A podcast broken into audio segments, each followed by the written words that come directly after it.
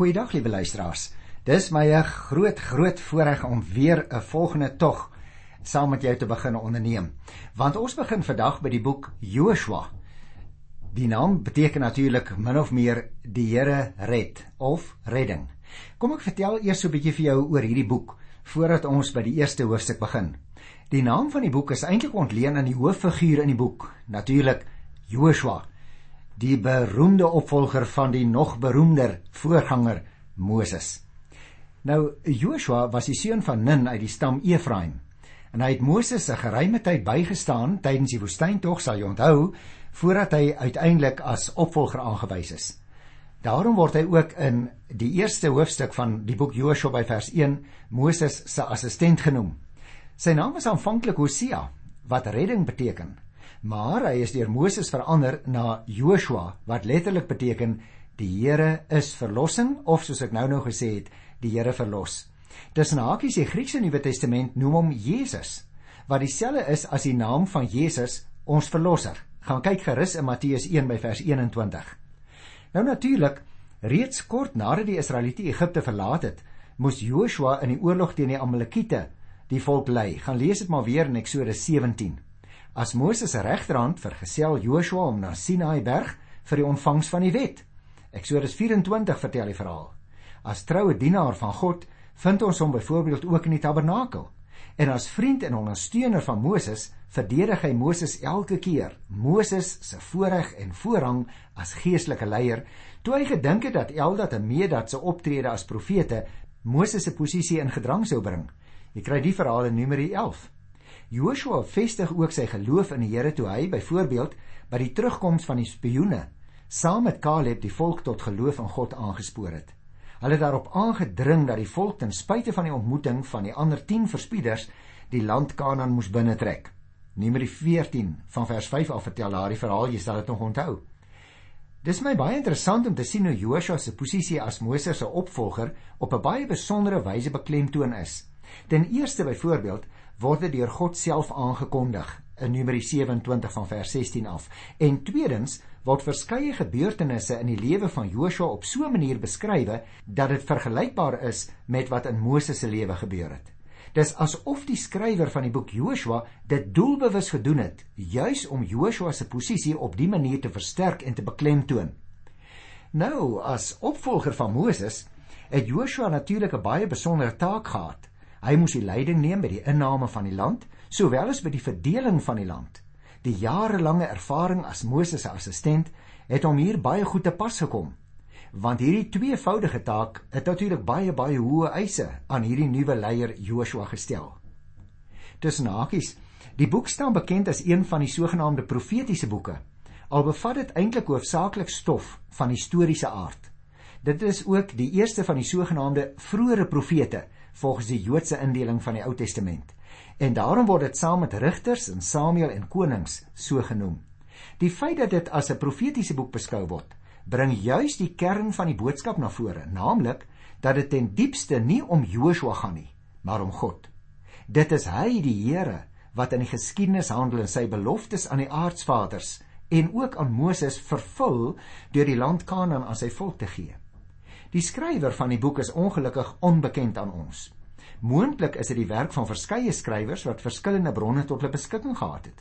Die boek van die opregte word byvoorbeeld in Hoofstuk 10 vers 13 vermeld en volgens Hoofstuk 24 vers 26 het Joshua die dinge in die wetboek van God opgeskryf.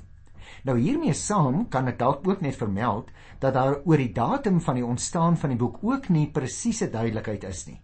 Die helderheid waarmee sommige gebeure beskryf word, suggereer wel dat hierdie gebeure self nie lank daarna vir die eerste keer op skrif gestel is nie. En hieruit kan ons geen definitiewe gevolgtrekking maak ten opsigte van die finale verwerking van die boek nie. Die boek handel eintlik grootliks oor die verowering van Kanaan. Mens kan dit van Hoofstuk 1 tot 12 verdeel en miskien ook weer van Hoofstuk 13 tot 24.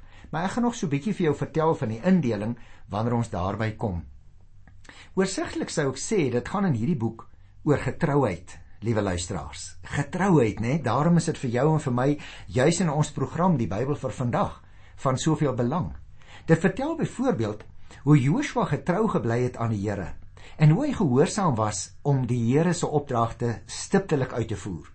Hy het die leierskap by Moses oorgeneem en daarom moes hy die take wat die Here aan Moses opgedra het, verder uitvoer en uiteindelik voltooi.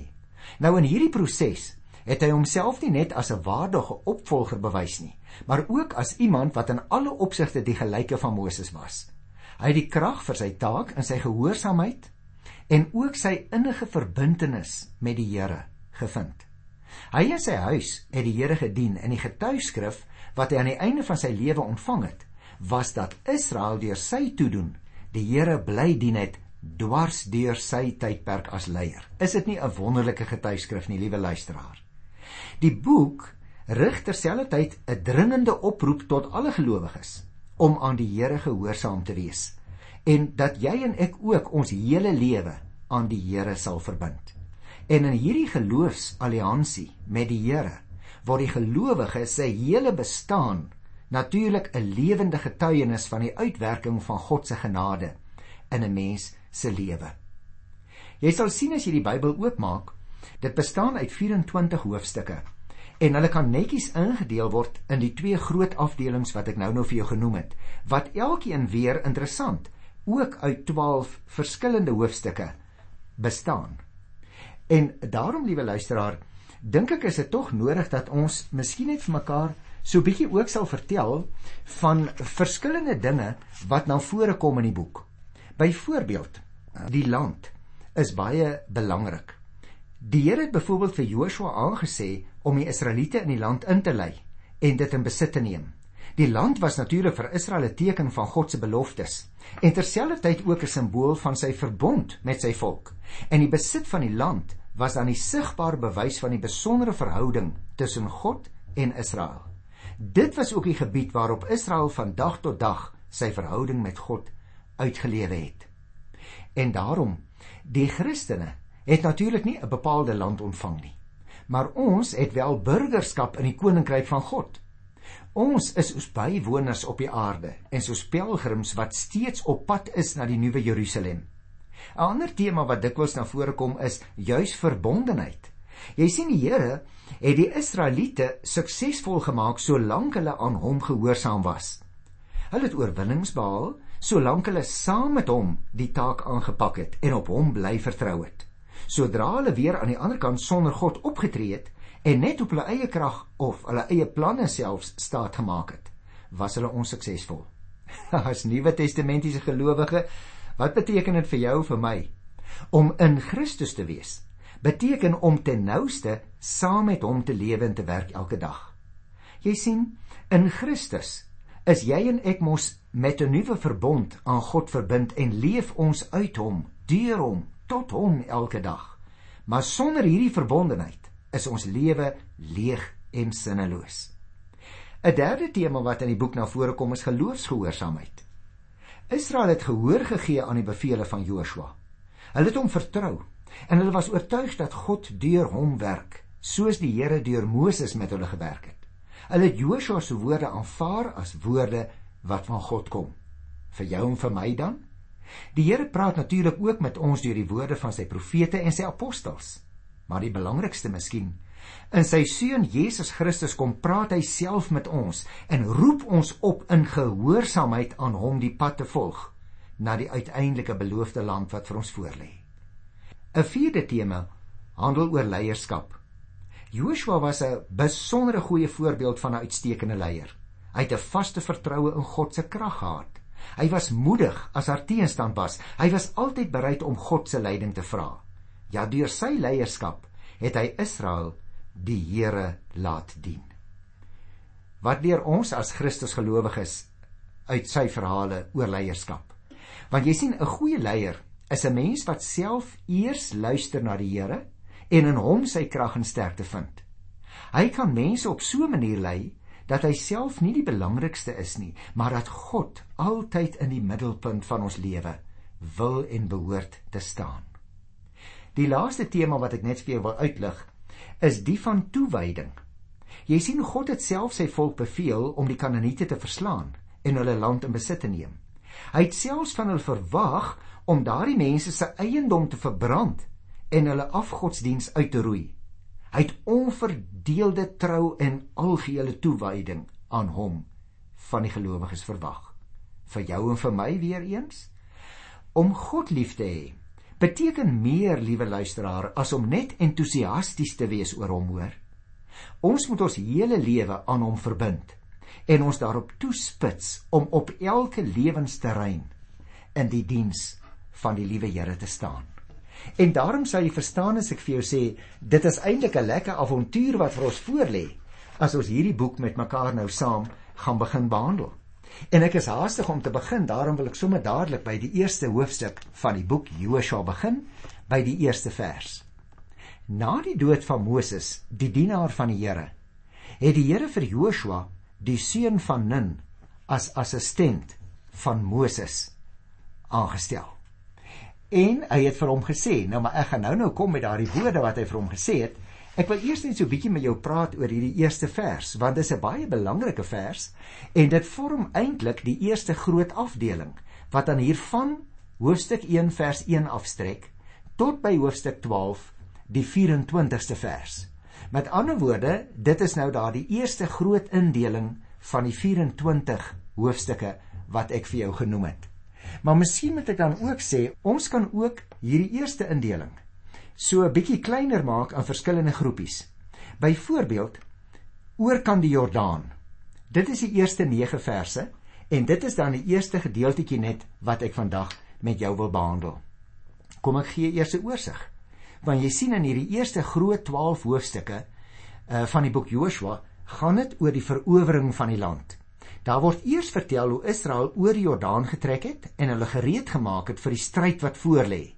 En dan later, ons gaan nog daarby kom natuurlik, word vertel hoe hulle stelselmatig die inwoners oorrompel het en die land in besit geneem het.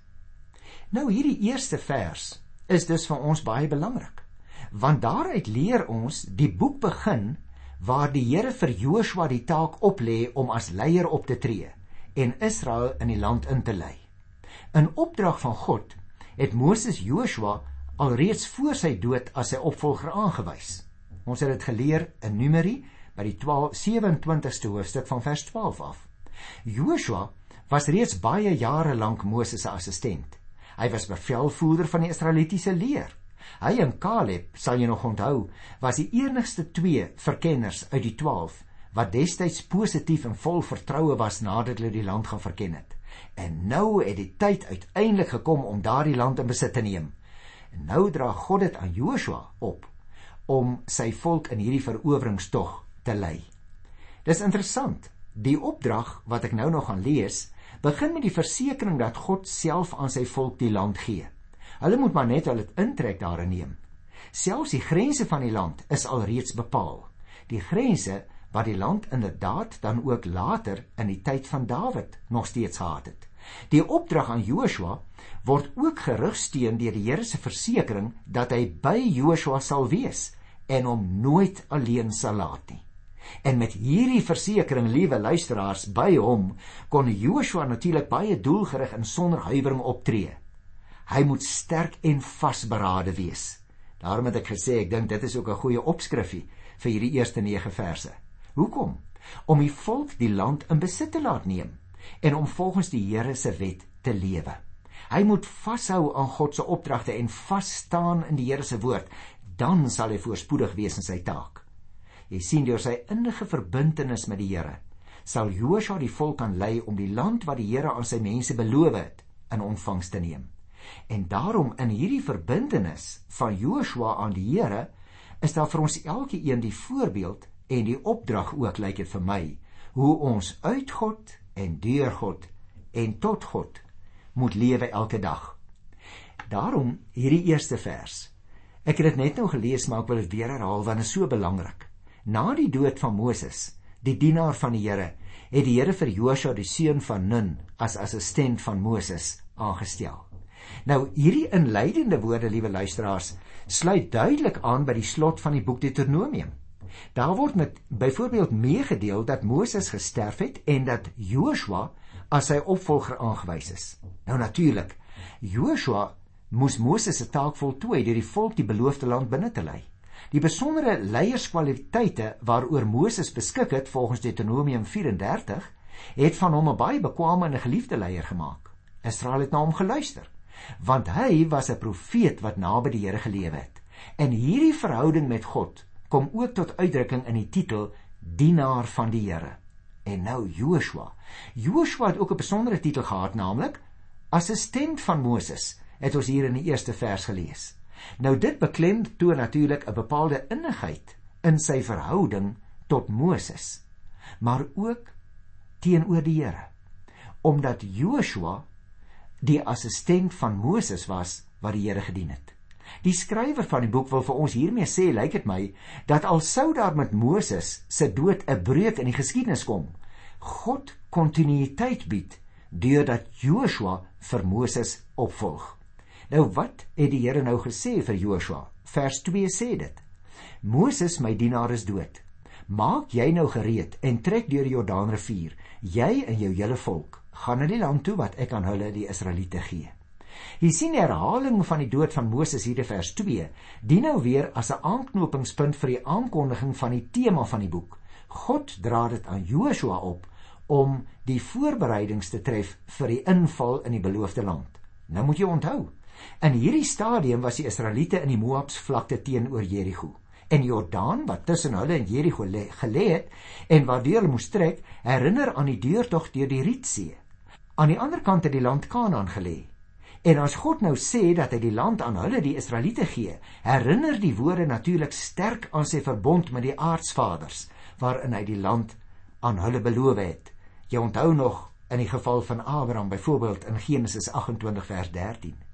Die derde vers sê: Soos ek vir Moses gesê het, gee ek aan julle elke plek waar julle kom, van die woestyn af, van die Libanon af, van die groot rivier die Eufraat, die hele gebied van die Hittite tot aan die groot see in die weste, dis nou die Middellandse See, né? Alles sal julle woongebied wees. Met ander woorde, die Here beloof vir hulle nou vir die laaste keer hierdie groot land wat hulle nou in besit gaan neem en dit sou later in Dawid en selfs tot in koning Salomo se tyd sou dit so bly. Maar luister nou mooi na vers 5 en 6 want hier staan nou baie belangrike ding. Solank jy lewe Joshua, sal niemand bestand wees teen jou nie. Soos ek by Moses was, so sal ek by jou wees. Ek sal jou nie in die steek laat nie, jou nie verlaat nie. Wees sterk, wees vasberade, want jy moet hierdie volk die land in besit laat neem wat ek met 'n eed aan hulle voorvaders beloof het. Dis my wonderlike woorde, liewe luisteraar, want dit is menslik om terug te deins vir so 'n groot taak. En daarom bied God nou aan Joshua sekere waarborge. En daarmee roep die Here hom op tot geloof en tot vertroue. Hy moes leer uit die verlede. Toe God by Moses was en versekering daaruit put dat God op dieselfde wyse by hom sal wees en dit is waarvan die Here hom nou verseker. Vers 7 sê: Wees veral sterk en baie vasberade in die uitvoering van die wet wat my dienaar Moses jou beveel het. Moet daarvan nie links of regs afwyk nie, dan sal jy voorspoedig wees waar jy ook al gaan. Weereens word Joshua nou vir 'n tweede keer opgeroep om sterk en baie vasberade te wees. Hierdie keer nie om die land in besit te neem nie, maar in die uitvoering van die wet van die Here staan daar. Dit gaan dus juis hier oor die lewe van Joshua en die bondsvolk wat moes ooreenstem met hulle belydenis en die uitdrukking van die besondere verhouding wat daar tussen hulle en die Here is. Dit geld ook vir jou en my, né? Daarom kan ons vasberade wees. Jy sien as Joshua en die volk in God glo, dan moet hulle gehoorsaam aan hom wees. Dit geld ook vir jou en vir my. Alleen langs hierdie weg, liewe luisteraars, kan gelowiges seën van die kant van die Here verwag. En dit sê hy pertinent vir Joshua. Vers 8. Hierdie wetboek moet die rigsnoer wees vir alles wat hy sê. Oordink dit dag en nag en sorg dat jy alles uitvoer wat daarin geskrywe staan. Dan sal jy slaag in wat jy moet doen. Dan sal jy voorspoedig wees. Hier word dus nou melding gemaak van 'n wetboek. Het jy opgelet? In vers 7 wat ons nou nog gelees, gaan dit net om die wet. Joshua moes dus nou oor die wetboek van God nadink, word gesê, en die konsekwensies daarvan in die praktyk tot uitvoer bring, kry hy die opdrag. Die wet as rigsnoer vir Joshua wil weer eens die innige verhouding tussen God en sy kinders beklemtoon. God roep Joshua en sy volk dus nou op tot geloof en ook tot vertroue in hom wat hulle eerste liefgehad het en uitverkies het om in hierdie baie besondere verbondsverhouding teenoor hom te staan. En dan die laaste vers wat ek vandag wil onderstreep, vers 9. Ek self gee die opdrag: wees sterk, wees vasberade. Moenie skrik nie, moenie bang wees nie, want ek die Here jou God is by jou oral waar jy gaan. Jy merk op luisteraar, die opdragte aan Joshua word herhaal en dus beklemtoon en God bied die versekering dat hy Joshua nooit in die steek sal laat nie. Die woorde van God herinner my baie sterk aan die Here Jesus se woorde aan sy disippels daar kort voor sy hemelvaart, net nadat hy hulle beveel het om die evangelie oor die hele wêreld te gaan verkondig. Gaan lees gerus Matteus 28 vers 19 en 20. Jy sien, God se opdrag word vergesel van 'n versekering van sy teenwoordigheid. En dit moet alle vrees en wankelmoedigheid wat daar ook vir jou en my in die hart mag opkom in die band doen. Ek wil net voordat ons afsluit die prentjie vir jou teken, liewe luisteraar. Die volk van die Here moet jy nou onthou, was vir 430 jaar as diensknegte in Egipte. Daarna het Moses hulle nog vir 40 jaar lank in die woestyn laat rondtrek. Wanneer ons nou die Bybel oopgemaak het vandag hier by die boek Joshua, staan hulle uiteindelik op die grens van die beloofde land. Na amper 500 jaar begin 'n nuwe dag uiteindelik breek vir Israel. Ooh, nou kan ek my die vreugde van hierdie mense voorstel, die tinteling in hulle are. Maar ek kan my ook die onrus voorstel, hoor? Want jy moet onthou luisteraar, die vyand jaag nou nie meer agter hulle aan soos by die Rooi See nie, nee. Nee, nou lê die vyand voor hulle. Hulle moet die land gaan skoonmaak van sy inwoners. Die fondament moet gelê word vir die woonplek van Israel. Jy sien die volk van die Here moet as dit ware begin om die koninkryk van God te gaan vestig in Palestina, soos ons dit nou die afgelope jare genoem het. 'n Geweldige oomblik in hulle geskiedenis het met ander woorde aangebreek. En vir hierdie taak was die leier Joshua nodig. Want ons het nou nou in vers 2 gelees Moses, die dienaar van die Here is dood. En daarom praat die Here in die eerste vers met die nuwe jong leier Joshua die seun van Nun. En die Here gee vir hierdie jong man die versekering in die derde vers wat ek gelees het. Ek gaan aan julle die plek gee waar julle kom. O luisteraar, wat 'n wonderlike belofte vir hierdie jong man, hierdie soldaat van God. En die Here daarbey gevoeg in die derde vers, onthou jy nog, soos ek aan Moses gesê het, gee ek aan julle. Met ander woorde, Joshua, julle ontvang hierdie land nie omdat julle dit gaan verower nie, maar andersom. Julle sal die land verower omdat julle dit ontvang het. Julle sal slaag omdat ek dit so vir julle beskik het. Ek God is immers die wettige eienaar van alle grondgebied. Ons het dit ook destyds gelees in Levitikus 25 vers 23. Meer nog, daar van die 5de vers af, solank jy lewe, sal niemand teen jou bestand wees nie, Joshua. Ek sal jou nie in die steek laat nie, ek sal jou nie verlaat nie. Wat 'n wonderlike toesegging van die kant van die Here vir 'n jong man wanneer hy voel om weg te hardloop vir die groot gevaar wat voorlê. God is aan my kant. Dit bær hy in sy hart. Elke dag is die Here aan my kant. O dat jy en ek as gelowiges daarom ook hierdie selfde toesegging mag hê. Ek sal jou nie begewe en jou nie verlaat nie. Wat 'n wonder van die Here se genade wat vir ons sê ek is elke oomblik by jou Matteus 28 van vers 19 af tot aan die einde van die wêreld is ek by jou. Wat 'n wonderlike ding. En nou moet jy mooi luister broer en suster want dit is waarmee ons gaan afsluit.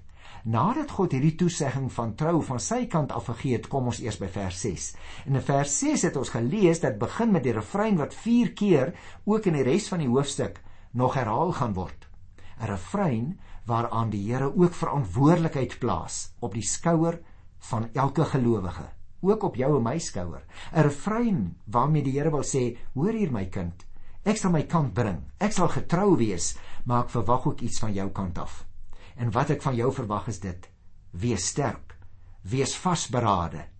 En dit word ook in vers 7 en ook in vers 9 herhaal. Geliefde kind van die Here, het jy dit raak gesien? God verwag van sy kinders iets. Hy sal sy kant bring. Maar dan verwag hy daarom ook van jou en van my kant af gehoorsaamheid en trou. As jy 'n soldaat wil wees, Joshua, dan verwag ek van jou dit: wees sterk, wees vasberade.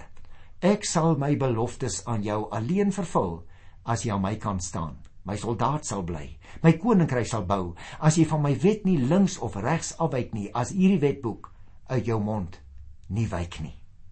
Ek wil vra, is dit met jou ook so? Liewe luisteraar, tot volgende keer. Groet ek jou in die naam van ons koning. Tot dan. Totsiens.